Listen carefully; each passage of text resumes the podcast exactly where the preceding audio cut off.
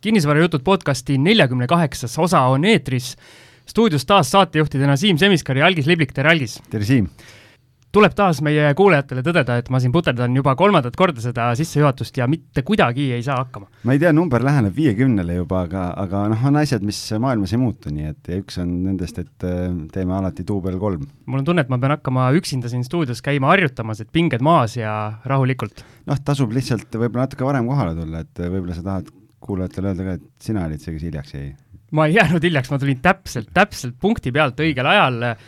just küsisin Algise käest ka, et aga et kas ta kaitseväes on käinud, et seal õpetatakse, et ei tohi varem tulla, ei tohi hiljem tulla, vaid tuleb täpselt õigel ajal kõike teha. väga hea, tubli poiss. aga jah, algis esimest korda oma, oma karjääri ja oma elu jooksul tuli eh, natukene varem, kui oli kokku lepitud. nojah, ta vaata, kohe on septembrikuu käes, et kõik on uus septembrikuus. aga miks algis tuli varem, on äh, ilmselt seetõttu, et äh, meil on taas üks naisterahvas stuudios, et äh, ikkagi kui naised on kohal, siis tuleb varem, varem tulla. noh, peab ennast heast küljest näitama. absoluutselt, ja meie neljakümne kaheksandas osas meil on väga hea öelda tere tulemast hobiinvestor Eeva Wilsonile, tere!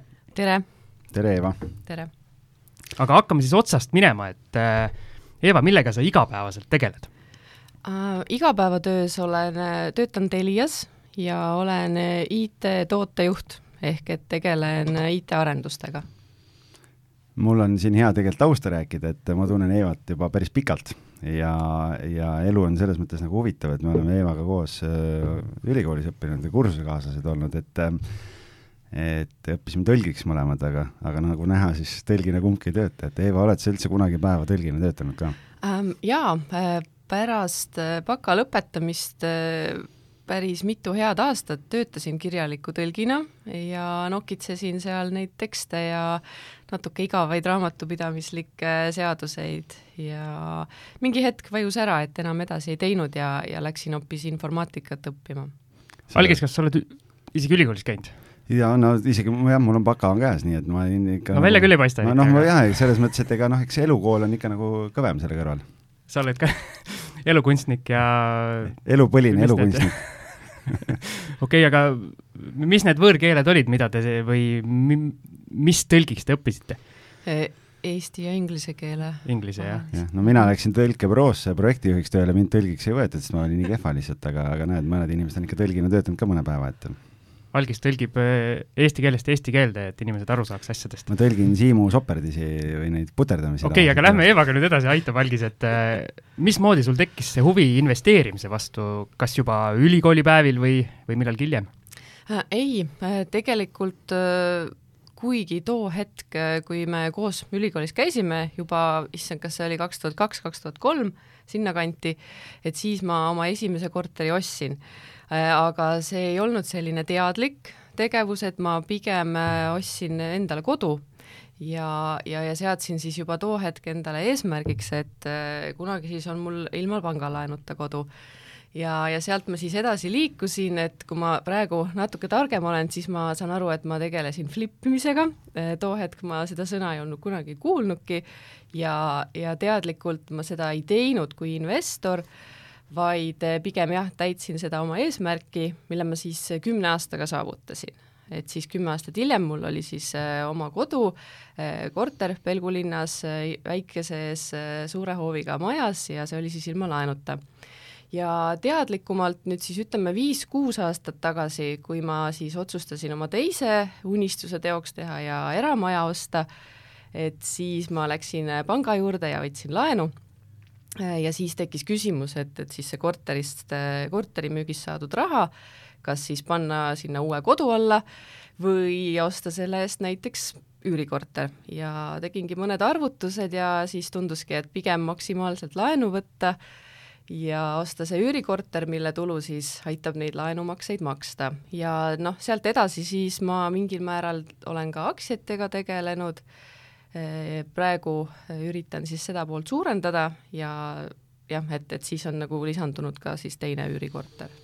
aga Algis, kui su kursaajad eh, juba ülikoolis ostsid kortereid, mida sina tegid tead, mul käis jõnks läbi ja mõtlen selle peale tegelikult, et kui ma sinna tõlkebüroosse tööle läksin ja ma tegelikult nagu päris head raha teenisin ja, ja, ja nagu ikka nagu üle Eesti keskmise ja, ja kui ma mõtlen selle peale, et kuhu ja kuidas see raha nagu rahakotist ära läks, on ju, siis siis noh, jah, et äh, jõuame jälle sinna, me oleme neid, neid kahetsuse voore on meil siin, siin saates päris palju, et ma uuesti üritan sinna mitte tagasi minna praegu, et, äh, et no viiskümmend korda, viiskümmend korda on varsti käidud. ja, ja et no, tore, et on inimesi, kes oskasid õigel ajal rahaga midagi tarka teha. Ei, ma ütlen siia juurde, et ega ma ei ole ka väga musternäidis, et samamoodi seal kahe korteri vahel oli väikene ootushetk ja siis tagantjärgi mõtlen, et issand, millised rahad, kuhu sai kõik niisama ära kulutatud, aga aga eks see kõik on see, mis sulle õpetas ja, ja nüüd, nüüd oleme targemad.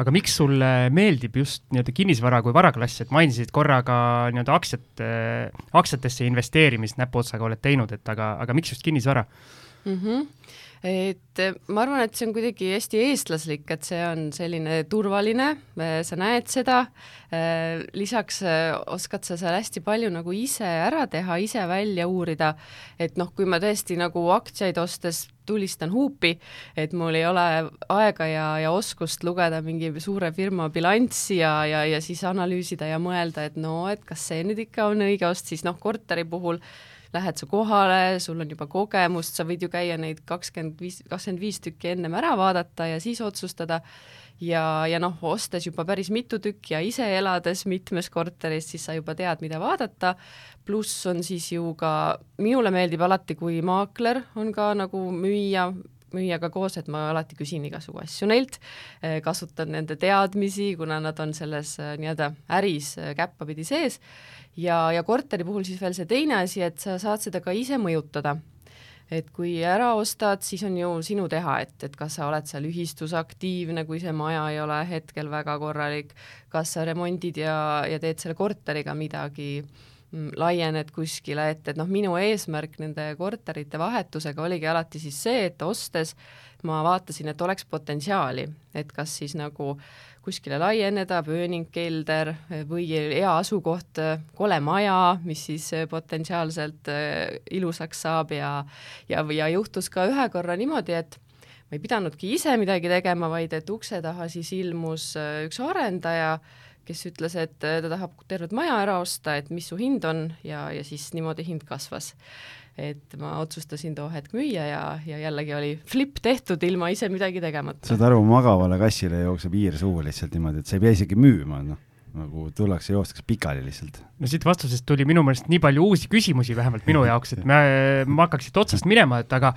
sa ütlesid, et äh, nii-öelda korteri ostmisel esiteks äh, sa saad oma nii-öelda teadmisi kasutada ja kõike seda, aga kui sa tudengina läksid eh, esimest korterit ostma, mis teadmisi sul sai, eh, sai väga olla, et räägi selle nii-öelda esimese korteri ostulugu ka ära, et kas siis natukene nii-öelda sellist kõhklemist ja kahklemist ka oli?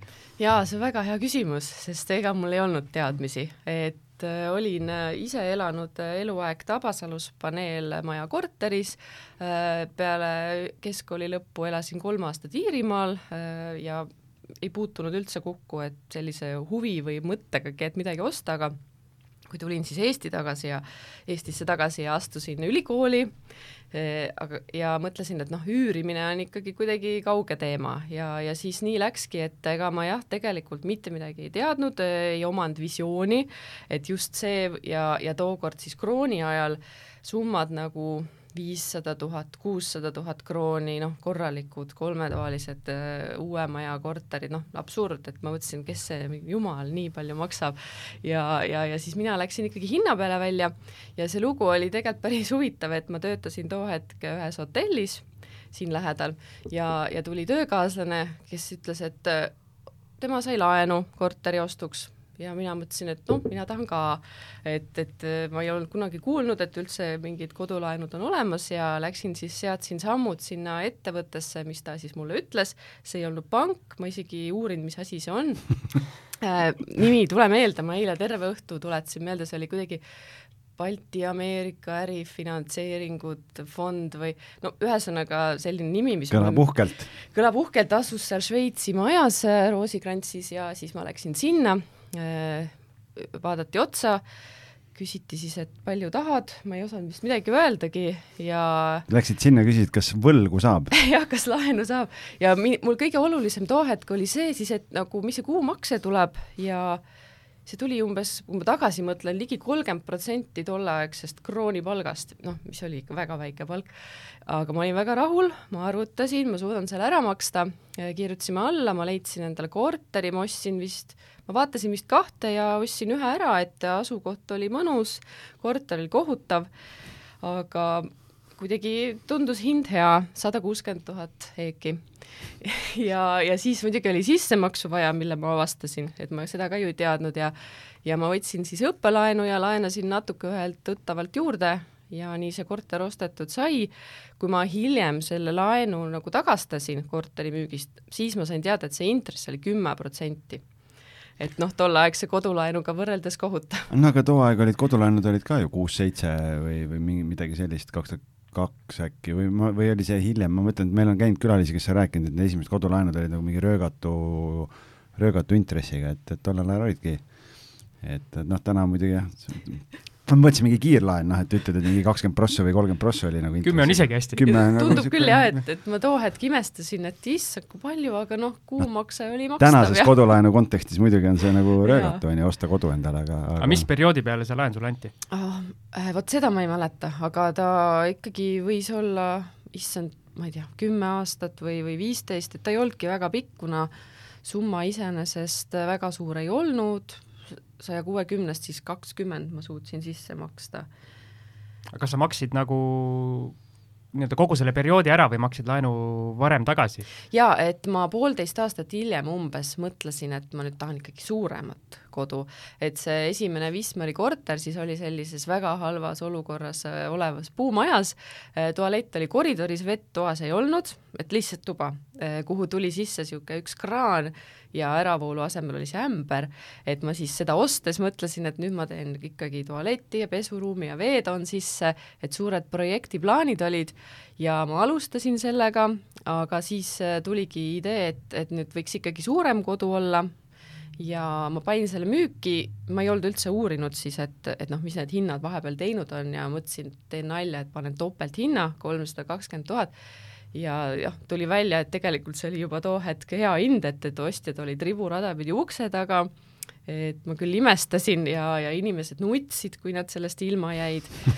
et, et see tõesti siis nagu ma mõtlesin, et ma oleks siis võinud lausa rohkem küsida, aga noh, nii oli, et, et siis ma müüsin ta maha ja tagastasin selle laenujäägi sealt oleks saanud korraliku reality show, et yeah. otse-eetris, kes saab, kes ei ja, saa ja siis emotsioonid. no vaata, kui sul on raudselt oli turuhind oli mingi kolmekordne selleks ajaks juba ja kui keegi müüb nagu kahekordse turuhinnaga, siis nutaks ise ka pisaraid seal ukse taga tõenäoliselt, kui sellises stiilis. sinna ämbrisse ta, ta sinnasamma ämbrisse, ta ei olnud päris nüüd nii, et vastasnaaber pani kolmsada üheksakümmend viis ja, ja noh, umbes sinna ta oli, et niisugune noh, viiskümmend, kuuskümmend tuhat eeki võib-olla oleks võinud rohkem küsida, aga ma olin rahul, et ma too hetk siis sain edasi liikuda sellest ja, ja just hiljuti külastasin seda maja, et nagu ma alati ütlen, et tegelikult kui sulle midagi ei meeldi, siis oota, et see maja on väga ilusti nüüd korda tehtud, et.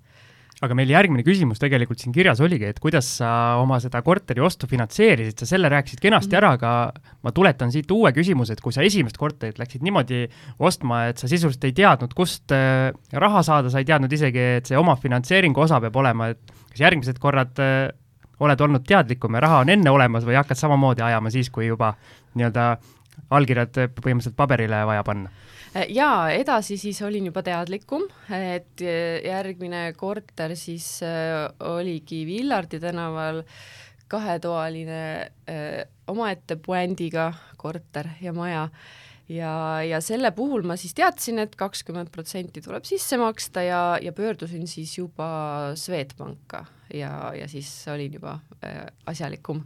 et ütlesin, et siin on mul nüüd sissemaksuraha olemas ja ma soovin nüüd seda osta ja, ja siis läks, ost läks libedalt. aga seda pole pooltki nii huvitav kuulata no kui seda esimest. no kujuta ette seda pilti, lähed, Harilik on kõrva taga ja ütled, et noh, et hoidke paberit, äh, ma hoian pliiatsit ja te liigutage paberit, et ma kirjutan alla, onju. kõigega nõus. jah, et nagu peaasi, et raha saab, et, et peaasi, et selle kodu saab, eesmärk aga mis seal see püant oli, sellel korteril siis? jaa, eh, Villardi tänaval oli tore maja, vana trolli- ja trammijuhtide ühikas ja äh, aus, ilus äh, kivist kahekordne maja, et minule just apelleeris siis see, et vau, et kivimaja, et stabiilne ja, ja selline kindlasti palju kvaliteetsem elamiskeskkond ja aga seal samamoodi see hind oli soodne, kuna ei olnud siis too hetk sees tualetti ja pesemist ja kööki, et suured plaanid olid siis, kuidas ma kõik sealt teen ja, ja orgunnin.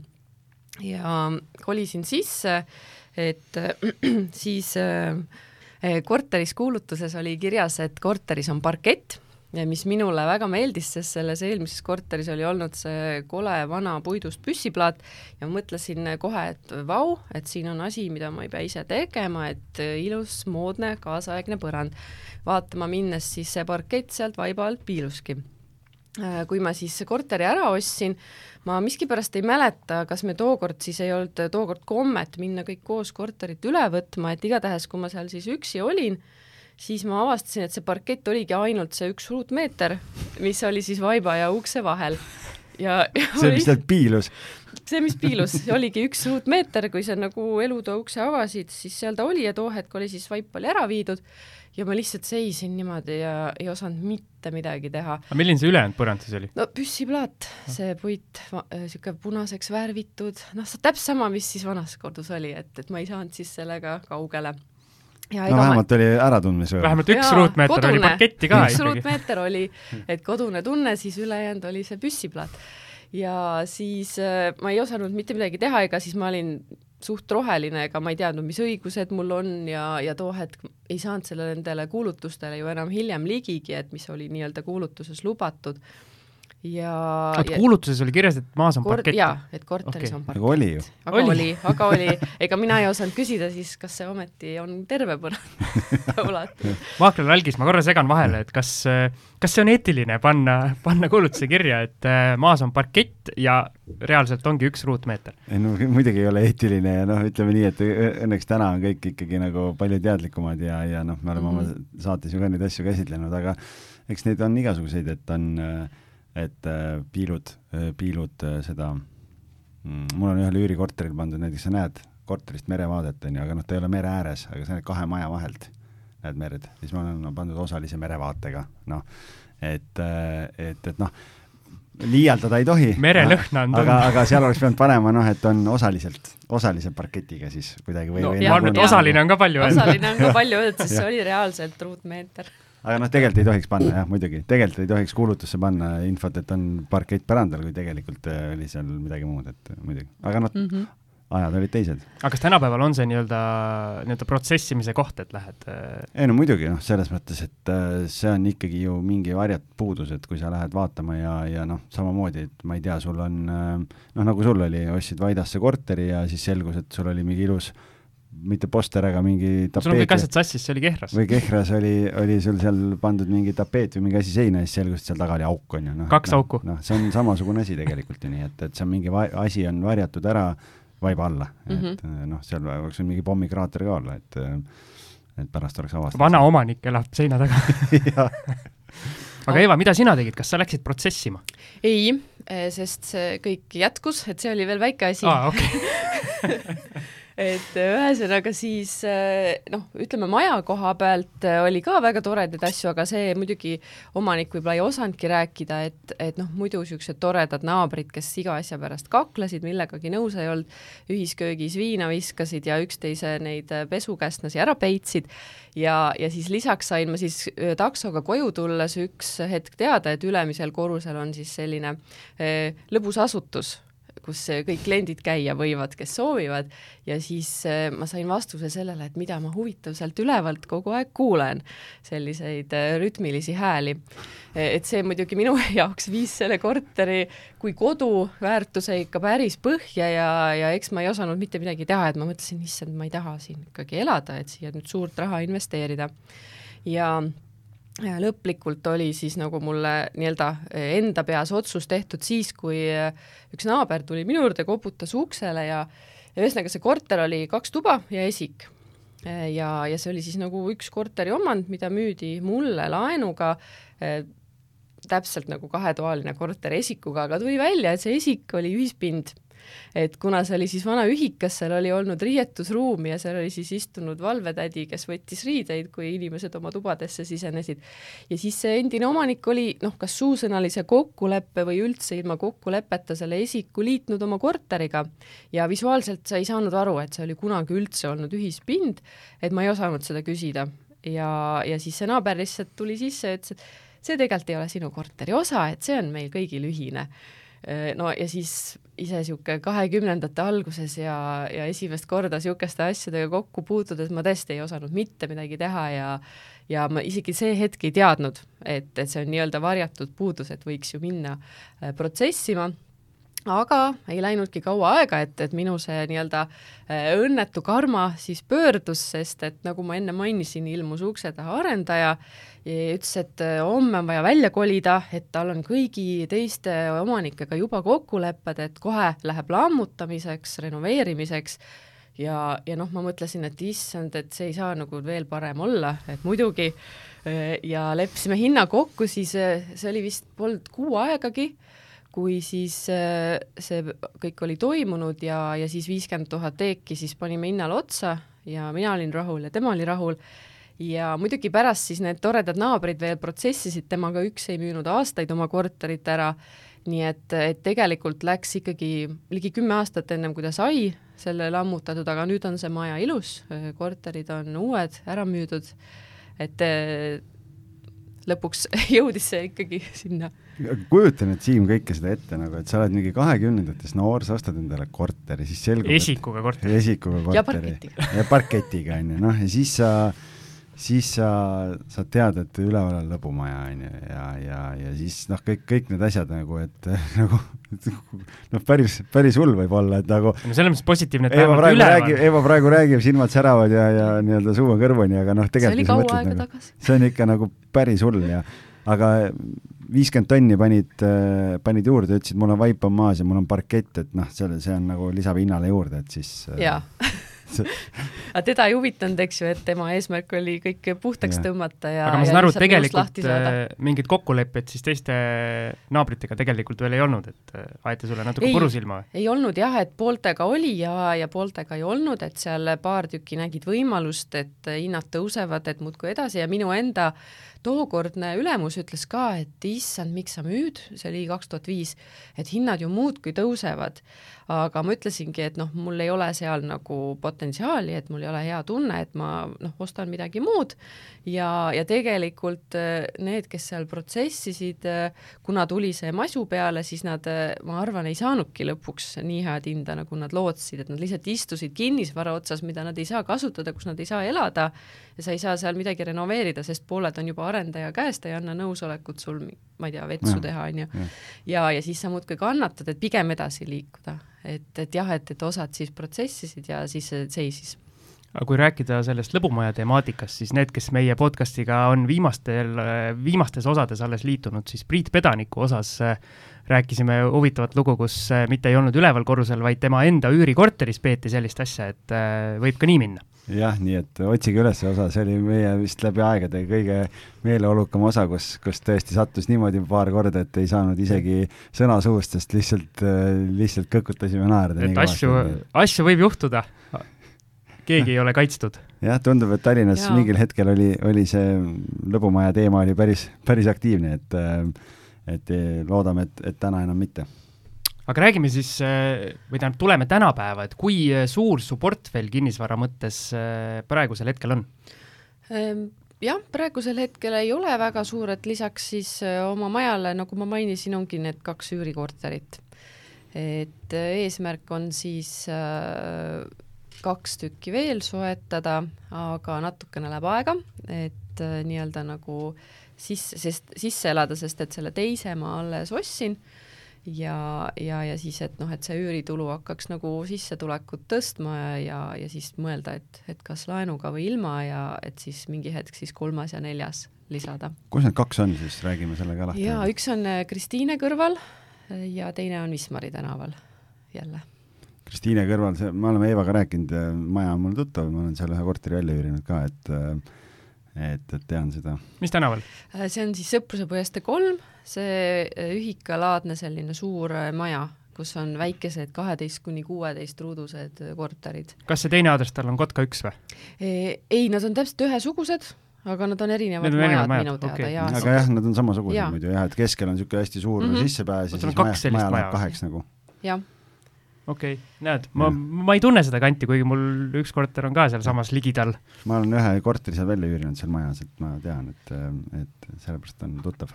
kas see on, nagu Kristi Saare nimetab, see üürivann nii-öelda siis, jah? ma arvaks küll jah, ma täpselt ei ole selle terminiga kursis, aga, aga see, ma arvan, et, et seda võib niimoodi nimetada, et, et seal on jah, väga palju kortereid, üle saja kõvasti, võib-olla isegi kakssada ja, ja seal on kõvasti pooled, ma arvan, on, on üürikad, aga on ka selliseid vanema generatsiooni elanikke, kes siis perega seal elavadki terve eluaeg. päris kirju seltskond on mm -hmm. seal, ütlen nii, et kui käisin korterit näitamas, et äh, huvitav no see lühike värk vist on selline, et äh... pesu kuivab igal pool äh, rõdudel ja, ja., ja, ja seal on niisugused ühisrõdud ja ei, tegelikult on äh, seal erinevaid äh, äh, ütleme, perioode läbi elatud, et see korter siis kunagi kuuluski mu õele ja, ja kui mina hakkasin siis maja ostma, siis meil olid seal äh, huvitavad skeemid, et kuidas mina ei kaotaks oma maja broneeringut, aga ja, ja, ja siis kuidas me omavahel seal kinnisvara vahetasime ja ostsime ja müüsime, siis mina sain selle korteri omanikuks äh, ja, ja õel on siis ka omad kogemused sealt, et kuidas üürnikud lihtsalt omavahel vahetasid nii-öelda korterit, et tema oli ühega lepingu sõlminud ja, ja siis mingi hetk tuli lihtsalt meil, et ma nüüd läksin ära, aga ma andsin oma töökaaslasele Maiele võtmed, et ta nüüd elab seal edasi. et, et siis me olime nagu šokis, siis see töökaaslane proua jäi ka võlgu, siis me lõpuks pidime minema koos isaga teda välja tõstma, sest ta lihtsalt ei maksnud, siis ta nutis, kuidas me talle liiga teeme ja, ja siis eh, jah, igasuguseid eh, nalju seal on juhtunud, kuna üüriseltskond on kirev olnud. Ja maja iseenesest on eh, noh, minu arust suht okei okay, üürimajaks, et asukoht on hea, maja ühistu on väga toimiv, plaanitakse renoveerida, mingi vahe oli isegi kakskümmend neli tundi valve, valvur all, et, et selles mõttes on huvitav, aga jah, et seltskond on kirju. räägime sellest nüüd Maiast korra, et võib-olla nii-öelda jagad pikemalt seda lugu, et kuidas esiteks, kuidas see üürnike vahetus üldse, ma noh, ma olen natuke selles mõttes sõnatu, et oligi niimoodi, et lihtsalt kolis üks inimene välja ja mõtles, et on hea anda kellelegi teisele võtmed ja jah, eks nad, ma ei saanudki aru tegelikult tookord, äh, täpselt ei mäleta, et kas see siis, äh, kas nad võtsidki seda kui nagu juba enda omandit, et üks oli siis sõlminud äh, lepingu te, tegemist oli vist mingi ehitajate maalritega, kes kõik ühes firmas või ühel objektil töötasid ja, ja siis mu, mu õde tookord sõlmis selle lepingu ühe meesterahvaga ja ta elas seal ja, ja siis ka nagu kuidagi jäi võlgu ja lõpuks maksis ära ja siis tuligi välja, et jah, et ta oli lihtsalt ise nagu ära läinud teisse linna või teisse korterisse ja, ja siis lihtsalt andnud nagu üle selle korteri oma töökaaslasele, et, et ta ei arvanud, et ta midagi valesti tegi et lihtsalt üks hetk oli võtmed siis teise inimese käes, kes oli oma kaktustega sisse kolinud ja, ja me siis saimegi vist teada, kui, kui olid need esimesed maksmised, et, et ta siis alguses maksis ja siis hakkas muudkui venitamine, et et küll on ikka lastel vaja raha ja lastelastel ja, ja noh, mängis nagu sellele välja, et et kui, et tema on, temal on lapselapsed, et, et noh, kui ta võlgu jääb, et ega siis ju noh, me ometi ju välja ei tõsta. aga noh, eks me mingi aeg kannatasime ja siis ikkagi, meil ei olnud isegi ju temaga lepingut sõlmitud, et me ei saanudki, ma ei saa isegi öelda, et me lõpetasime temaga lepingu, sest et too hetk oli see inimene juba välja kolinud, kelle nimel leping oli ja siis ikkagi pidime viisakalt paluma lahkuda. Kas te kohe ei mõelnud selle peale, et oleks võinud nagu et mis mõttes, mingi, meil ei ole siin lepingut, et mis mõttes mingi suvaline inimene tuleb jah, no see on jällegi niisugune kuidagi nooruse äh, aja äh, teadmatus, et, et ma ka nagu õega koos too hetk seda asja ajasime ja, ja noh, paar kuud vist nagu makse laekus ja tahtsime vist, ma ei mäleta, kas inimesele head teha, et kui ta nagu ära maksab, et okei okay,, et noh, ei, nii tore, et ei peagi ise minema uuesti vahepeal koristama ja, ja siis vaatama jälle, kes see uus üürnik oleks, et kui talle juba see maja sobib ja, ja ta elab seal ja, ja ilusti üüri maksab, et olgu. aga jah, et praegu see tagasi vaadates oli vale otsus, et ei tohi tegelikult nii teha. tead, see on tegelikult täiesti müstiline, kuidas osadel inimestel puudub nagu arusaam äh, sellest nii-öelda vastutusest või, või sellest, et et noh, teise inimese vara või nii edasi, mul oli siin mõned kuud tagasi oli üks näide, kus üks noor kutt, kellele me üürisime ühe korteri välja, andis siis teada, et ta peab ära minema, sellepärast et ta, ma ei tea, töökohavahetused, asjad, ühesõnaga mingi, mingi probleem oli tal seal. ja siis äh, lähen korterit üle võtma, võtan üleandmise vastuvõtmise akti lahti, vaatan üle kõik, noh, et kontrollin üle, vaatan, telekat pole, on ju noh, võtan pildid lahti, on ju, noh, tüüp oli ise Saksamaal veel ära, on ju, ema tuli siis, tuli minuga kohtuma ja ja, ja näitan pilti, ütlen, näed, noh, telekas on siin, on ju. noh, ja siis ema helistab pojale, on ju, poeg ütleb, et ei noh, et ega ma ju, kui ma sisse kolisin, ma ju ütlesin, et, et noh, et ma ei taha seda telekat, et noh, et mul on oma telekas, on ju. ma otsin selle vestluse, otsisin välja, ütlen, näed, ma näitasin, seal oli kirjas, et noh, et me ei vii telekat ära sellepärast, et omanikul ei ole kuskile panna. et kui teil on oma telekas, noh siis, siis see telekas peab olema siin kuskil ja saad aru, nad olid lihtsalt, tüüp oli andnud selle mingi sõbra emale lihtsalt, sõbra emal läks telekas katki, onju, tal ei olnud seda vaja ja lihtsalt andis kellelegi ära, noh. siis ma ütlesin, sorry, aga noh, siis nüüd me ostame uue teleka, et peate kinni maksma, ei no me toome tagasi, ma ütlesin, kust ma tean, et see on seesama telekas et äh, noh, lõpuks siis tõid tagasi, oli jah, seesama, aga, aga noh, lihtsalt, et nagu täiesti süü-, ma ütlesin, et järgmine kord anna see diivani ja voodi ka kellelegi ära, et noh, mul ei ole vaja. anna korter ära. et noh, jah, et nagu noh, täpselt sama, et noh, suva, et ma ise ei taha enam elada siin, et kuule, et noh, kes tahab tänava peal küsida, et kuulge, siin on üks korter saadaval aga kuidas te selle väljaviskamise protseduuri tegite, et see on ka alati selline nii-öelda peen teema ja selline natukene noh, ma ei tea, kas saab Jaa. rääkida noh, ma võin ikka rääkida, et eh, võtsime isa kaasa, ta on kahemeetrine ja, ja, ja siis see on suur pluss. suur vari tuli ukse peale. kõige naljakam on see, see korter, nagu ma ütlesin, on päris väike, et on selline hotellitoa suurune äh, äh, ühe, ühetoaline, et, et ma, ma ise arvan, et see, mu isa ei nagu pikkuselt ei mahugi sinna üldse sisse, aga me läksime jah, kõik koos ja äh, ja, ja siis ütlesime, et noh, nüüd on ikkagi kõik, et üür on maksmata ja, ja, ja kui soovi on, et siis ikkagi leping tuleb ümber teha ja ettemaks maksta, et niisama enam ei saa. ja ootasime siis, kuni ta autosse läheb. korra segan vahele, inimene on võlgu ja nad lähevad, ütlevad, et aga me võime ümber teha lepingu. ja noh, et nagu selles mõttes, et et peab ikka usalduse määr olema inimestel, et kui noh, et nagu eeldada, et äkki ta hakkab maksma. ei, see oligi pigem nii, et me eeldasime, et mitte, aga, aga noh, see oli niisugune viimane võimaluse andmine, et, et noh, leping sinu nimele ja, ja siis veel see noh, tagatise ettemaks kohe. et äkki siis tekib see vastutus. jaa, aga, aga noh, see oli teada, et ega seda ei tekkinud, kui ta juba isegi järgi ei suuda üüri maksta, et kuigi noh, see on ju üks odavamaid üürikortereid üldse Tallinna turul, äh, nii väikene jah, ja, ja siis ta äh, orgunnis jah, kellegi mingi mikrobussiga või, või pirukaga endale järgi ja, ja siis veel sajatas meid ja istus äh, kaks kaktust näpus ja ja läks ikkagi ära, et me ootasime siis seal kohapeal. nii et vasta kukalt jäänud selle kaktusega, et oleks väga ebamugav olnud. ja põhimõtteliselt te ootasite selle kolimisprotsessi mm, -hmm. siis äh, ootasite seal ruumis? ja, ja et, et me noh, saime võtmed ikkagi kätte ja ootasime, no me kõik sinna ruumi ei mahtunud, on ju, et ta kutsus mingi sugulased või töökaaslased või kedagi appi, et me ootasime vahepeal all autos ja käisime siis vaatamas, aga noh, õnneks ta ei olnud jõudnud väga kaua elada ja, ja nagu ma mainisin, et tegemist on väikse korteriga, siis asju ei olnud palju.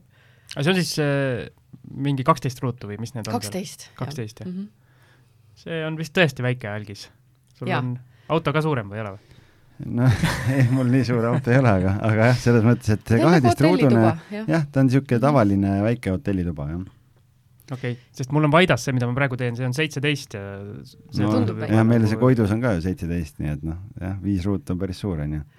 jah, oluline vahe. ja, ja, aga jah, tal on nagu oma, oma nišš, et, et äh, kommunaalid on soodsad, asukoht on hea äh,, päevavalgust palju, küte on hea ja sobib väikeste egodega inimestele, et mahud, mahud ära sinna.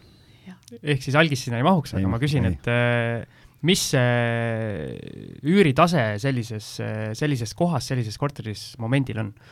Ma olengi jälginud, noh, minul on väga pikaajaline üürisuhe praegu, et äh, ma olen muidugi vaadanud, et mis siis teised selles majas ja Kotka ühes küsivad, et kui on väga heas korras korter ehk värske remont tehtud, kõik on tipp-topp, et siis küsitakse ka kuni kakssada seitsekümmend viis, kakssada kaheksakümmend eurot. mina üürisin kahesaja viiekümnega välja mm -hmm. pool aastat tagasi umbes. ja on huvilisi selle hinnaga? ja, ja et, et need lähevad suhteliselt kiiresti ära, et kakssada viiskümmend kuni me kakssada leidsime ka hästi kaheksakümmend. toreda neiu sinna, kes töötab kuskil äh, lemmikloomapoes Mhm. ja, ja, ja kuskil veel kahe koha peal isegi töötas, nii et, et selles mõttes väga samas, samast majast kusjuures. lihtsalt ütles, et äh, teises korteris seal kõik ligises ja logises ja, ja omanik ei viitsinud nagu midagi panustada ka ja Mhm. kuna meil oli värskelt, noh, see minu kliendil oli siis värskelt värskendatud korter, et siis ta ütles, et noh, ta ei näe põhjust, miks ta peaks seal teises edasi elama. ja, ja näiteks just sinna minu kõrvale ostis üks noormees, kes tuli kuskilt maakohast Tallinna õppima ja on ka väga rahul, pani teleka seinale ja, ja siis need suured kruvid tulid minu poolele läbi. Ja nii te saite tuttavaks. Ja nii me saime head tuttavaks paksud ja, seinad on. ja et, et ma küsisin, et, et ega rohkem ei ole tulemas ja, ja tegime seal väiksed kokkulepped, aga noh, see oli niisugune pindmine parandus, et minu poolt oli siis ainult kukkunud seda krohvi ära, et, et saime ilusti korda ja infoks on ka mulle hea, et, et siis nagu suurte poltidega telekat või kappi ei tasu seinale panna, et naaber, naaber on kohe vastas. ja jah, et, et selles mõttes, et ma olen ka vaata-, vaadanud, et seal on, kui on halvemas korras, et siis antakse soodsamalt ära, aga, aga jah, et kuna seal on veel iga koridor omaette lukus ja, ja selline nagu äh, suhteliselt turvaline keskkond, et siis need lähevad päris kiiresti. aga mis need korteri hinnad seal momendil on, oled sa seda ka jälginud? jaa, ma tegelikult jälgisin seda just kevadel, et ma korra mõtlesin, et mis ma teen, et kas ma müün seda ja ostan suuremat või, või, või siis mitte.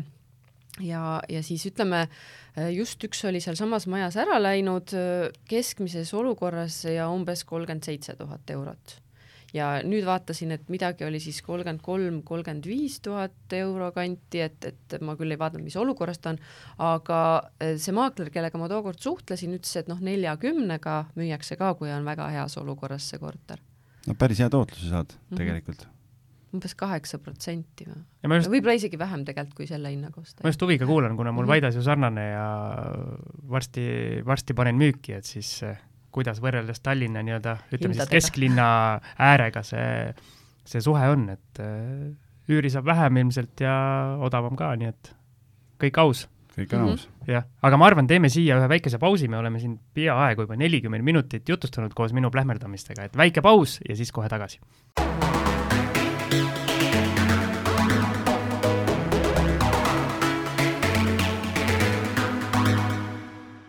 Ja oleme väikeselt vahepausilt tagasi, ilus meloodiline kõll on kuulatud ja algis muheles siin vahepeal. ma ei, ma ei tea, mis ma tahtsin kogu, öelda ma, ma, ma muhelan kogu aeg, ma olen heas tujus ja sihuke tahtsin algisele puid alla panna jälle, aga ebaõnnestusin ise, nii et aga see selleks. meil on endiselt külas siis äh, hobiinvestor, nagu ta iseennast nimetab äh,, Eva Wilson. ja minu järgmine küsimus on selline, et kui sa siin saate esimeses osas rääkisid mitu korda, et sul on õnnestunud selliseid nii-öelda, kuidas ma ütlen, kogemata flippe teha. Kas sa ei ole mõelnud, et võib-olla teha mõni selline traditsiooniline flip, et kui sul juba kogemata need asjad nii hästi välja tulevad, et äh, siis, kui nagu mõttega teha, et siis on veel paremad tulemused?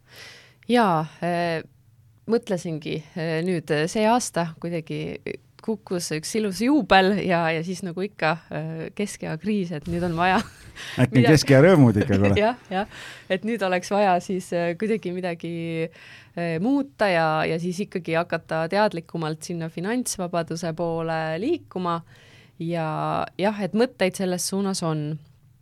aga, aga hetkel siis otsustasin, et esmajärjekorras siis tegelen nende kahe üürikinnisvaraga ja, ja siis vaatan edasi, et, et kui seal osad investeeringud, mis mul on aktsiates, realiseeruvad teatud eesmärgiga, mis ma olen endale pannud, et, et siis juba kas tegeleda teadlikult flip imisega või siis vaatan, mis see hetk nagu turul popp on. et varsti on siis oodata kinnisvaraturul ühte suurt tegijat juurde?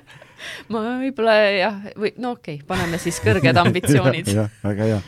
aga seni sinu jutust on käinud läbi ikkagi see Tallinna kesklinn ja selle ümbrus, et äh, oled sa mõelnud vaadata kuskile piiride taha, selles mõttes piiride taha, et me lähme sellest äh, pealinnast välja ja seal on ka kinnisvara olemas täitsa. ma täitsa tean jah, ma teie saadetest olen kuulnud, et Vaidas on väga head et see on nüüd maailmakaardile toodud ja, jah, et ja siin ma tegelikult seda kohta teadsin ka varem natuke, aga jaa, no ma ise ju elan Tabasalus, et ma tegelikult vaatasin nüüd seekord äh, suvel ostes ka Tabasalu poole, aga ei leidnud sobivat kahjuks, et, et mõtlesin, et oleks nagu võinud siis seal olla uues majas, aga, aga jah, et, et ei leidnud.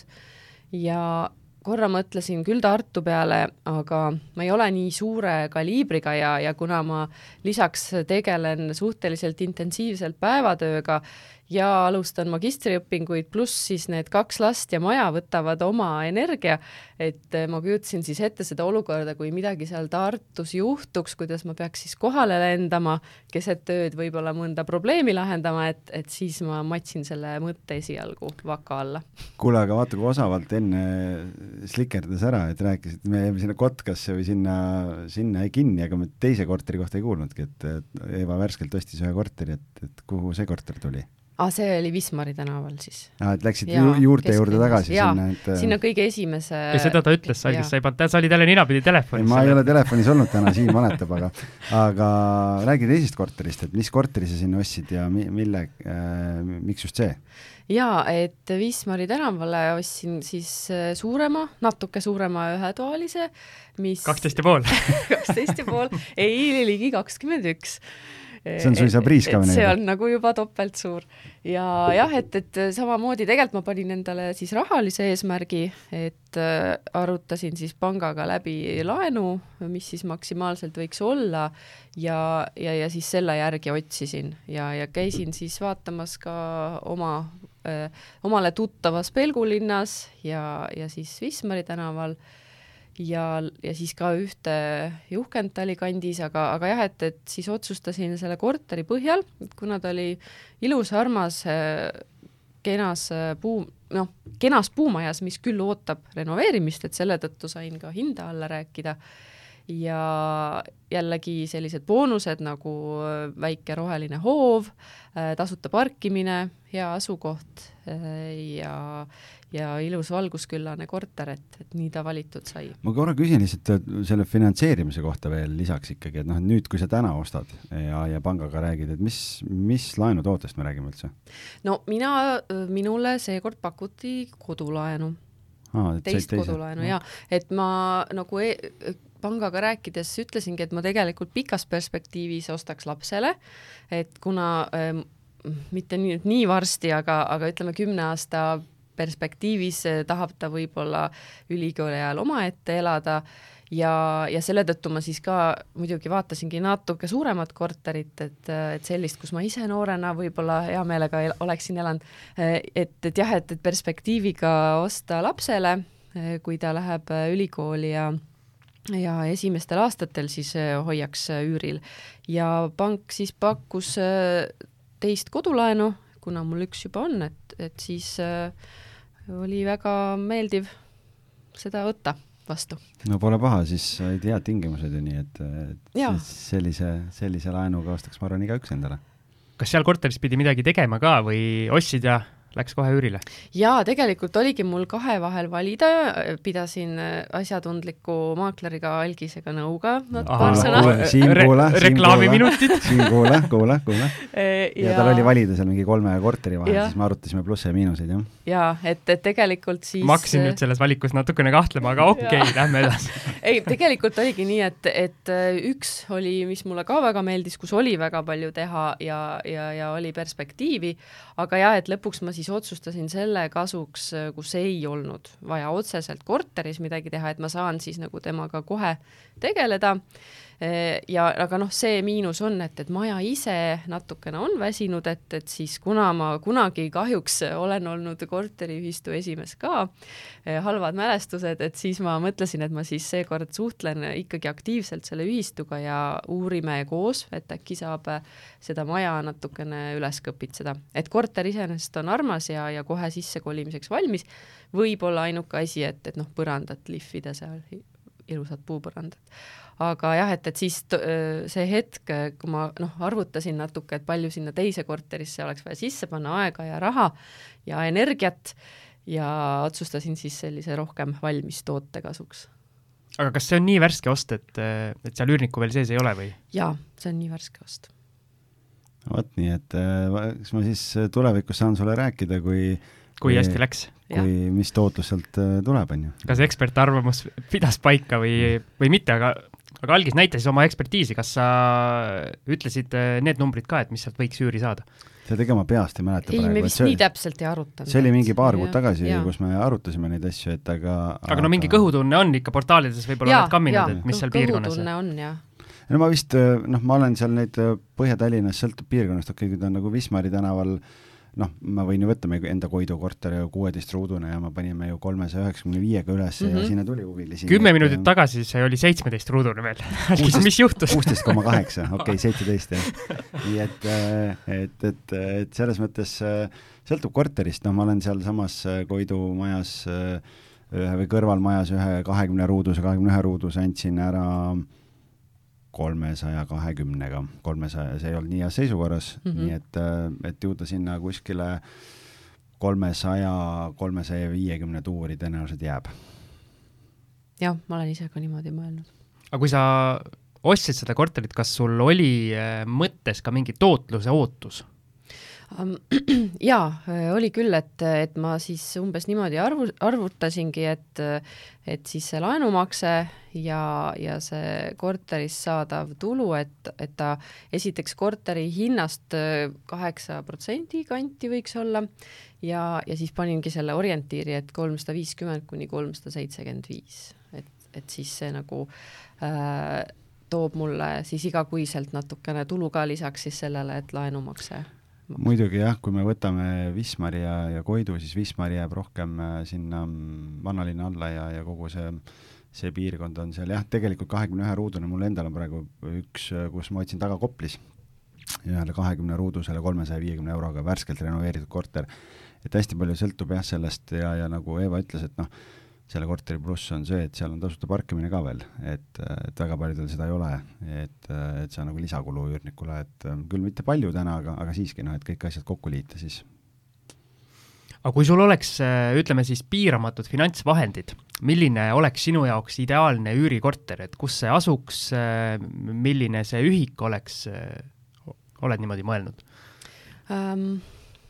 jah, eks mingil määral kindlasti olen, et, et ma arvan, et ma ostaksin siis kindlasti uude majja.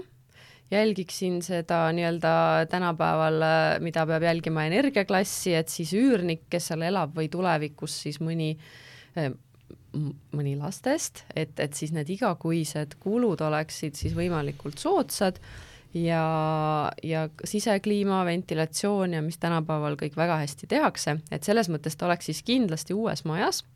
Äh, võiks olla ka siis mitte nüüd väga kesklinnas ehk et, et natuke rohelisemas piirkonnas, samamoodi siis seal Koidu-Wismari kant või, või noh, seal Veerenni kandis, kus ma kunagi töötasin, olen vaadanud, väga ilusaid uusi maju tehakse.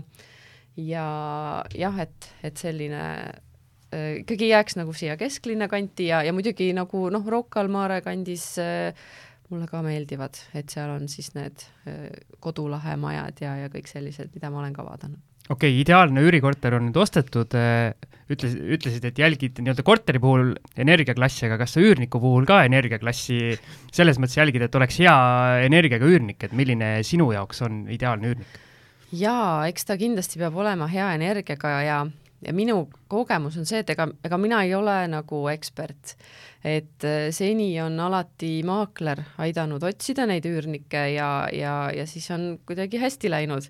et äh, nendel on kuidagi seda nina, et, et kui keegi Siim, kuula. et kui keegi kes see maakler aitas? et, et kui, kui keegi bluffib, et, äh, et siis nad oskavad kohe nagu aru saada, et ahah, et sellel tegelikult ei ole niivõrd palju raha, et siin nüüd igakuiselt seda maksta, üüri maksta ja, ja on nagu olnud häid kogemusi pigem, et maakler on siis teinud selle esmase valiku ära. mina ei ole Eevale otsinud. ei, see on täiesti jah, erapooletu praegu, et, et Aha. ma räägin et on veel, on veel häid maaklereid siin?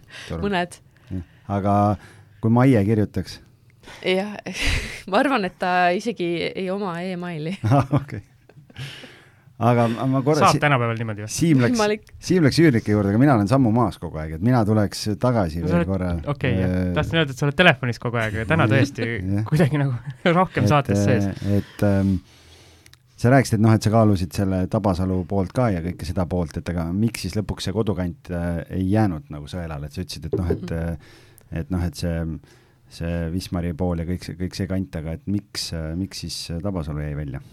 Jah, no põhimõtteliselt oligi see, et, et noh, Tabasalus on neid kortereid limiteeritult, eh, inimesed elavad sees ja, ja ma siis nagu mõtlesingi selle peale, et, et seal siis võiks olla pigem uuemas majas mm. ja lihtsalt too hetk olid kõik väiksemad läinud see suvi, et, et on küll uuemaid maju ja, ja uuemaid arendusi seal, aga aga kallimad korterid sest noh, Tabasalu piirkond tegelikult praegu areneb ju päris kiiresti. Mm, -hmm. Tabasalu keskus nüüd, kui tuleb, seal saab aasta jooksul valmis ja ja jah, seal uued arendused ja asjad, et nüüd on sinna ka hakatud tegema, et, et sinna nii-öelda teel Tabasalu poole ju ehitatakse päris aktiivselt, aga, aga Tabasalus endas ei olnud pikalt nagu midagi toimunud, aga nüüd on seal ka elu käima läinud ja et mina, äh, kui mina seal elasin lapsena, et siis oli maakoht ja, ja nüüd enam ei ole. aga jah, vaatasin äh, kahte arendust siis Tiskreoja ja Lukaranna, aga need äh, odavamad ühetoalised olid siis too hetk ära broneeritud. ja siis liikusin linna poole tagasi. aga Algis, ma olen ka visanud pilku peale sinna nii-öelda sinu, on, võib vist öelda sinu kodukandi pool Tabasalu, jah, nii, äh, sellises vanemates no, kodukant on Assamaal, on ju, aga sa mõtled no, praeguse kodu, praegu jah, noh, elu on natuke edasi läinud, on ju, Assamaala teed on Assamala, jäänud mõtlesin, sinna. ma mõtlesin, et hakkad, oled Assamaal hakanud vaatama korterit. ei, mitte seda. Okay.. räägi Tabasalu sellest nii-öelda üüriturust, et mis see mis see pilk seal on praegu? tead, mul ei ole seal ühtegi üürikat olnud, ma olen mingi hetk vaadanud sinna selle pilguga just, et noh, mingitele investoritele võib-olla vaadata samamoodi, et noh, natukene linnast välja, et aga tegelikult on äh, on ta ju nüüd seal tee-ehitused kõik saavad valmis, et läheb natuke kiiremaks see sõit sinna ka. no sinna võib ükskõik mis teed ehitada, minu meelest ummikud jäävad sinna ikkagi. aga siis äh, ega seal tegelikult äh, potentsiaali on selle koha pealt, et on äh,, pakkumist on vähe ja, ja tegelikult kui sinna osta, ma arvan, et sinna, sinna tegelikult nagu võiks, võiks nagu saada päris, päris okei okay. või noh, tähendab selles mõttes, et saaks ilmselt normaalsetel tingimustel välja üürida, küll aga meil on Facebooki grupis see ka läbi käinud ja ja, ja Harku vallaga on selline huvitav asi lihtsalt, et meil on see, see vee hind on nagu ebanormaalselt kõrge seal ja noh, nii-öelda Tallinnaga võrreldes lihtsalt mingid äh, kommunaalarved ja asjad on nagu suuremad, et, et see on nagu see pool, mis jälle nagu räägib selle kahjuks võib-olla, et sinnapoole nagu vaadata, nii et jah, see on vist Eesti kõige kallim vesi. no Peetris vist on ka kallis, aga ma ei tea jah, aga noh, me seal, ma ei tea, see vee hind on seal jah, mingi, seal tõsteti ja mingi pool aastat tagasi viiskümmend protsenti vist äh, vett, vee hinda või, või noh, et kas pudelit pudelivett ostes tuleb odavam või? mingid naljad on seal grupis käinud läbi küll jah, et, et võib tulla soodsamalt, et eriti kui oma majas elad ja, ja vahepeal on midagi kasta vaja, et siis seda nagu enam teha ei taha. aga jah, et eks see toob natuke, kallid kommunaalid toovad alati natukene siis seda üürihinda alla, aga noh, samas on mul üks sõber otsib kolmetoalist Tabasallu ja, ja suvel ütles, et ei olegi nagu midagi eriti, et, et nojah, nagu sa ütlesid, et vähe on seda pakkumist jah, noh, et selles mõttes, et lihtsalt peab arvestama sellega, et kui sa ostad sinna lihtsalt, et üürniku jaoks kommunaali kulu on kõrgem, et selle võrra võib-olla lihtsalt see tootlus jääb natukene väiksemaks, et äh, aga, aga jah, me liiga põhjalikku analüüsi pole teinud, sest konkreetselt ühtegi klienti, kes sinna osta tahaks, nagu ei ole olnud, et, et praegu nagu liiga suurt seiret pole teinud. võib-olla korteris kahel inimesel see veekulu ei anna nii palju tunda, käivad spordiklubis duši all ära, aga jah, et, et majades siis rohkem. aga lähme edasi, et siin äh, algis on kirja pannud sellise küsimuse või sellise fakti, et oled kunagi töötanud äh, siin booking.com äh, Tallinna kontoris, et mida sa seal tegid mm? -hmm. töötasin ligi kolm aastat ja tegelesingi Eestis asuvate majutustega, alates äh, korteritest kuni suurte hotellideni, hotellikettideni, sinna vahele siis kõik külalistemajad, kämpingud, kodumajutused ja nii edasi. ja, ja põhi põhitöö siis nendega ongi, et aidata paremini müüa Bookingu platvormil, äh, sinna siis käivad igasugu erinevad tegevused, et kas siis juba saad nendega kokku, vaatad üle, kuidas müük läheb või siis vahel on mingid uued, olid uued partnerid, keda siis pidi aitama nii-öelda üldse alustada, alustama. ja jah, et, et lisaks siis äh, sellele siis äh, kõik see mm, igapäevane töö, mis sellega on, et, et kui tihti äh, pettureid ilmus platvormile, siis pidime aru saama, et, et kas need on reaalsed majutused, vajadusel siis profiili kinni panema, et kliente nii-öelda ei saaks tõmmata rahaliselt ja ja siis äh, see oli jah, niisugune hästi huvitav pool, aga üldiselt oligi siis see töö niimoodi, et äh, neli päeva nädalas äh, pidid sa siis olema kohtumas nende partneritega, igaühel meil oli oma piirkond, mäletan mingi hetk mul oli siis Haapsalu ja Tallinn ja, ja siis mingi hetk olin kuidagi seal Rakvere pool, et siis selles piirkonnas siis suhte loomine nende majutajatega oli hästi oluline et me reaalselt nagu sõitsime päev läbi ringi ja, ja külastasime neid. Ja, ja siis jah, et, et kui mõnes piirkonnas, näiteks Ida-Virumaal on mõned majutused, kes põhimõtteliselt vastu on, et siis on niisugune huvitav äh, lisaboonus oli, kui sa siis need said ära moosida, et nad ikka tuleks sinna platvormile aga kui kaubanduses tehakse nii-öelda järelevalve, järelevalveorgani poolt selliseid kontrolloste, kas teie ka niimoodi tegite, et book isid seal oma platvormil kenasti mingi ööbimise ära, läksid kohale ja tegid seal ühe öö ära ja vaatasid, kuidas on?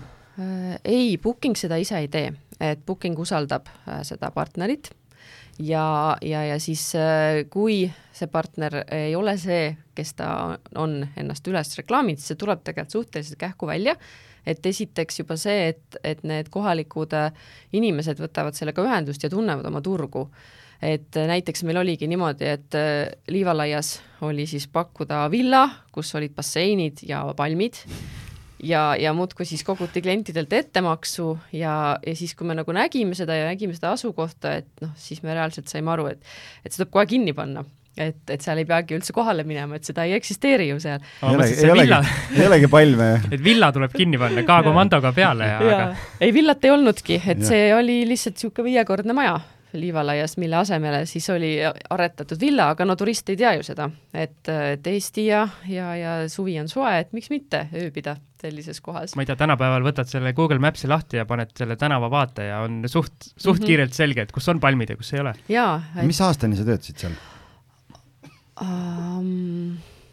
issand, kui eh, hea küsimus, kaks tuhat kolmteist kuni kaks tuhat kuusteist. okei okay,, ma sellepärast küsin lihtsalt, et kui me kaks tuhat kaheksateist alustasime Airbnb-ga, et siis me alguses proovisime booking ut ka ja kuu aega ja, ja siis panime ruttu kinni ära. Äh, aga siis noh, see protsess lihtsalt äkki sa ei julgenud seda alguses öelda, et küsis kõigepealt, kas sa siis töötasid? Ei, ei, ei, ei, mitte sellepärast, vaid see protsess on muutunud, selles okay., sellepärast ma küsisin, lihtsalt oli see, et, ähm, et kui me panime siin Tallinnas, kus noh, me oleme siin Ahtri tänaval, meil siin üle tee üks korter oli, panime selle kuulutuse üles sinna booking usse, siis tuli videokõne teha. Äh, tuvastamaks. jah, Hollandist keegi helistas ja ma pidin, äh, tegime videokõne, ma pidin näitama kõik toad ära, kõik asjad, et kõik, mis on piltidel, et kõik on olemas, voodid, kõik asjad on olemas ja, ja siis äh, tuli veel mingi kood kirjaga postkasti pidi, pidi ja, ootama, et nagu ja. see oli mingi niisugune arusaamatu osa. Et, et ühesõnaga see protsess oli muutunud, et see verification ikkagi oli nagu selline, et mingi inimene reaalselt mm -hmm. tahtis kontrollida. jaa, verification, tollal, kui mina töötasin, siis ei olnud verification'it ja see just siis tekkiski, kui hakati platvormile võtma individuaalseid kortereid, sest varem oli ju niimoodi, et, et noh, me tegelesime ainult ametlike majutusasutustega et kui sul ei olnud seal majutusregistris kannet, et sa ei olnud majutajana registreeritud, et, et see ei olnud nagu võimalik üldse sinna üles tulla ja me reaalselt ise käisime kohapeal, täitsime ankeedid, vaatasime nagu nii-öelda üle, me noh, et ei inspekteerinud, aga noh, me ju teadsime, et ahah, see hotell ja see hotell. see Vaida korter küll ei sobi siia pakkumusse. no ja siis neid kortereid, kui hakatigi võtma, üle maailma, siis hakkasid probleemid tulema. et eh, ma tean booking'u ajast sellist probleemi, kus Itaalias eh, pandi üles villa ja koguti muudkui et, muud ettemaksu, et sinna ka jäid võrku mõned Eesti turistid ja, ja siis, kui esimesed kliendid kohale jõudsid, leidsid nad lihtsalt tühja platsi eest. No ja siis kohe booking pidi nagu kõik need rahad välja maksma ja siis hakkama seda klientide, seda nii-öelda majutajat taga ajama ja siis järjest nagu tugevnesid need reeglid individuaalsetele majutajatele, et, et noh, Eestis ka ikka neid pettusi oli päris palju, et ühte majja pandi mitu korterit, koguti muudkui ettemaksu, siis jäeti booking ule maksmata, pandi profiilid kinni, tehti samasse majja uuesti, et sealt siis järjest neid algoritme tugevdati, mis siis tuvastab ära, et sa oled näiteks sama äh, inimene äh, ja, ja üritad nagu jälle uut majutust panna, endal on vanad arved maksmata. lisaks siis juba tookord tehti see koodiga verifitseerimine, et see oli, pidi nagu tagama seda, et seal on reaalne aadress et muidugi tekkis vahel tõesti Eestis see olukord, et keegi oli ise Tallinnas ja pani oma Setomaa majutuse üles, kus see ametlik aadress oligi mingi eh, Assamalla küla ja, ja Setu talu, on ju, ja, ja seal ei olnudki postkasti ja see Amsterdamist automaatselt saadetud kood jõudis valesse kohta, aga seda oli üldiselt harva, et enamasti see reaalse aadressi verifitseerimine toimis ja siis lisaks siis olime meie, meid oli viis või kuus inimest, kes me siis saime ka veel koha peal uurida, et kas see majutus ikka eksisteerib.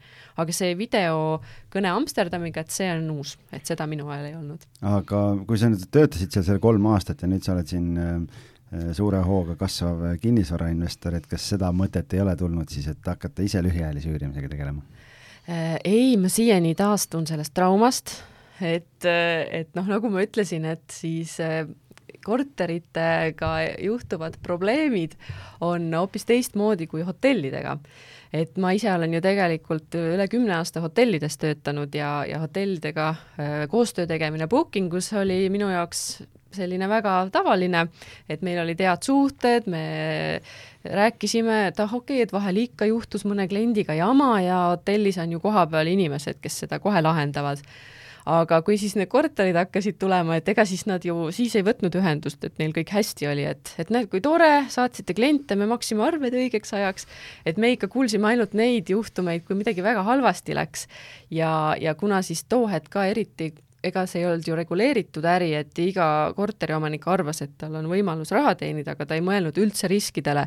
et siis me saime selle rahe kõik kaela, et nüüd äh, mul on telekas varastatud, mul on see varastatud, mul on ära lõhutud, et teie nüüd minge seda klienti püüdma ja, ja noh, tegelikult äh, see risk peab olema seal korteriomanikul endal maandatud, et booking ainult vahendab ju tellimust ja siis äh, jah, et, et kuna kogu aeg olid ikka nende korteritega mured, et kes seal oli nii ära lõhkunud oma pidutsemise käigus, et korteriomanik pidi remondi suure remondi tegema ja, ja kuidas siis äh, kutid Pärnus broneerisid viiekümne euriseid äh, üürikortereid seal üheks ööks ja läksid telekatega minema, mis maksid viis-kuussada ja, ja nii edasi ja nii edasi, et, et suvemajadel põletati rookatuseid maha et, et siis kuidagi endal on siiamaani selline tunne sees, et see vaev on suurem kui see kasu, et, et kes ma iga ööpäev minema, klient helistab kell kolm, et vetsupaber on otsas ja ämbriga vesi on voodi kõrval ja, ja kui kõne tuleb, siis jooksed. no vot, see on see põhjus, miks me booking'u panime ka kinni, et, et me tegele-, Airbnb poole pealt on see, on see mingid kindlustused ja asjad ja värgid ja sul on mingid, mingid nagu rahaline tugi on, on seal nagu olemas ja, ja kuidagi noh, et see, et ma saan äh, et kui Siim tuleb ja lagastab mu korteri ära, siis ma saan pärast teada anda ka, et review jätta talle halva. et noh, booking us mul seda võimalust ei ole öelda, et Siim, Siim on paha poiss ja temaga ei tohi nagu asju ajada, et äh, jah, booking töötab jah natuke teistmoodi, et kuna ta on ikkagi väga-väga suurele massile orienteeritud, et ma võin näiteks näidiseks tuua, et too hetk oli niimoodi, et Tallinna kogutubadest korterid moodustasid vastavalt hooajale kaks kuni viis protsenti et kogu see ülejäänud mass on hotellitoad, et, et millega tegelikult noh, ütleme ja siis selle kahe protsendi korteritega tegelemist oli siis hulka rohkem kui, kui nende suurte hotellidega. noh, jälle see, et äh, see on üks huvitav argument tegelikult ja, ja ongi see, et noh, et meilt on ka küsitud, et miks te ainult Airbnb teete ja nii edasi ja tegelikult see on ka üks argument olnud, mis meil on olnud, et äh, booking us sa konkureerid äh, ikkagi suurte professionaalsete majutusasutustega ja sa tegelikult tõenäoliselt lõpuks sinu juurde jõuabki see klient, kellel ongi see kavatsus, et noh, tahaks korralikku kräu maha tõmmata, on ju, kuigi ma ise kasutan ka booking ut, aga noh, mul on see profiil võib-olla või need objektid, mida ma otsin, on nagu teistsugused, aga noh, teistpidi ma võin mingi kümne või viieteist pealise meeste kambaga ka kuskile lennata ja, ja tõmmata nii, et maa on must, noh, mina seda küll ei tee, aga ma mõtlen, et noh, kui sul on suurem pind. aga see, sa võiks. et see oht on nagu olemas, aga noh, just see, et, et, et ta on nagu profiililt ja oma olemuselt on natuke teistsugune Airbnb-ga mm -hmm. võrreldes lihtsalt, et nad on nagu ikkagi nagu erinevad. jaa, on, et, et jah, et, et seal äh, seda massi, kes broneerib, ongi raskem hallata, äh, on ka hästi ranged näiteks reeglid, mis hotell või korterimajutajatele üldse ei sobinud, et näiteks kui sul hotellis võtad topeltbroneeringu, et noh, ma olen aastaid hotellis töötanud, see on täiesti tavaline, et suvel on alati hotellid on üle broneeritud ja, ja kui tõesti juhtubki, et sul tulebki liiga palju kliente, et siis on sinu asi talle alternatiivne majutus leida ja me tegime seda tihti. et va-, okei okay,, me oleme tõesti üle broneeritud, oih, te tulite kõik kohale, aga näed, näed, et siin kõrval on teine hotell, samasugune, et me viime teid kohe sinna kohale, et eh, meie kulul on veinid ja ööbige siin ja olge rahul. ja see on hästi tavaline, hotell ei pöördugi kunagi booking'u ega kellegi vahendaja poole sellise probleemiga, et tal on tekkinud ülemajutus. aga kui sul on ainult üks korter ja sa nagu annad seda välja, see on sinu kodu ja, ja siis sa oled veel seal Airbnb-s harjunud veel, et sul on võimalik see reject panna, et siis booking us seda pole ja ülemajutuse puhul eh, nagu sa pead ise otsima tegelikult sellele, see noh, sa ei tohi nagu klienti jätta tänavale, aga see on jah, nagu eh, ütleme, sellise väiksele korteripidajale võõras eh, selline mõtteviis, et siis noh, oli neid kliendi pahameelt ja, ja siis lõpuks selle partneri pahameelt, et et siis loobuti nagu sellepärast päris tihti, et, et seda nagu valikuvõimalust kliendile ei öelda tegelikult ei ole, et klient on ikkagi kuningas. vaata, kui palju põnevat infot. aga meil on siin juba üle tunni aja on räägitud, et äh, hakkame vaikselt äh, otsi kokku tõmbama. räägi, Eva, milline on investeerimises ja ütleme siis täpsemalt kinnisvaras sinu selline kaugem eesmärk mm? -hmm et äh, olen äh, siis võtnud sellise eesmärgi, et äh, tegelikult kaks eesmärki, et esimene on siis see, et et sellest kõigepealt siis üürikorteritest saadav tulu siis kataks mu kulud. Ja, ja teine siis kaugem eesmärk, ma ise panin selle viieteist aasta pärast, on siis nii, et, et need passiivsed rahavood ehk et äh, üüritulud ja, ja võib-olla siis ka äh, need äh, aktsiad, millesse ma siis hakkan suuresti investeerima, siis oleksid nagu minu sellise finantsvabaduse põhjaks, et, et kui ma nagu mingi hetk ei taha teha iga päeva palgatööd, et siis mul on see vabadus otsustada. et sellised eesmärgid. kakskümmend, kolmkümmend kuus on see aasta siis, ma saan aru kui ja, ja. eesmärgid peavad olema täidetud. et siis meie episood tuhat kolmsada nelikümmend seitse me kutsume ootame sind tagasi kindlasti panen, panen kalendrisse. jah, aga mitu korterit peaks äh, sinusugusel investoril olema, et see su kulud kataks, oled sa arvutanud? ah, ma ei ole praegu nii täpselt arvutanud, kuna ma noh, osaliselt ka ju olen äh, laenu võtnud, äh, et, et noh, viieteist aasta pärast võiks siis nende laenude osakaal seal olla väiksem, et, et see tulu oleks suurem. Ja nagu ma ütlesin, et, et siis tegelikult vahepeal ikkagi võiks ju mõelda sellele flip imisele, et nii-öelda tekiks mingi suurem äh, rahavoog, aga noh, ma ise mõtlesin, et, et üle viie-kuue ma võib-olla ei tahakski, et, et see siis oleks piisav et millega jaksab ka tegeleda. noh, siis saab alati algisele helistada ja, ja me aitame sulle raha hallata ma oh, korra tulen hea. Äh, veidi tagasi, et kas see viimane ost nüüd, kas see on sul ka eraisiku ja, nimel, et äh, sa oled investorina sellises kohas, kus äh, hästi palju investoreid meil seal kinnisvarajuttude grupis ka kirjutab, et et kas hakata ettevõtte alt investeerima, kas kuidagi üritada jätkata eraisikuna, et oled sa sellisel nii-öelda ristteel ja mis need su lahendused on välja mõeldud? jaa, ma, ma ei ole tegelikult ristteel, sest ma ei ole äh, OÜ äh, fänn, mul on kunagi olnud ettevõte ja ja, ja seda stressi on minu jaoks väga palju, aga ma ütlen ikkagi seda, et ma väga alati silmad lahti loen neid vestlusi, kui keegi jälle selle küsimuse kuskil grupis tõstatab, et ma kaalun seda kogu aeg, et mis siis on minu jaoks need plussid ja miinused täna, et kui nagu eraisikuna mul on ju väga lihtne, ma maksan selle tulumaksu ära, raha on minu, ma ei pea äh, kedagi raamatupidajat palgal hoidma, ma ei pea stressama, et, et kas on aruanded esitatud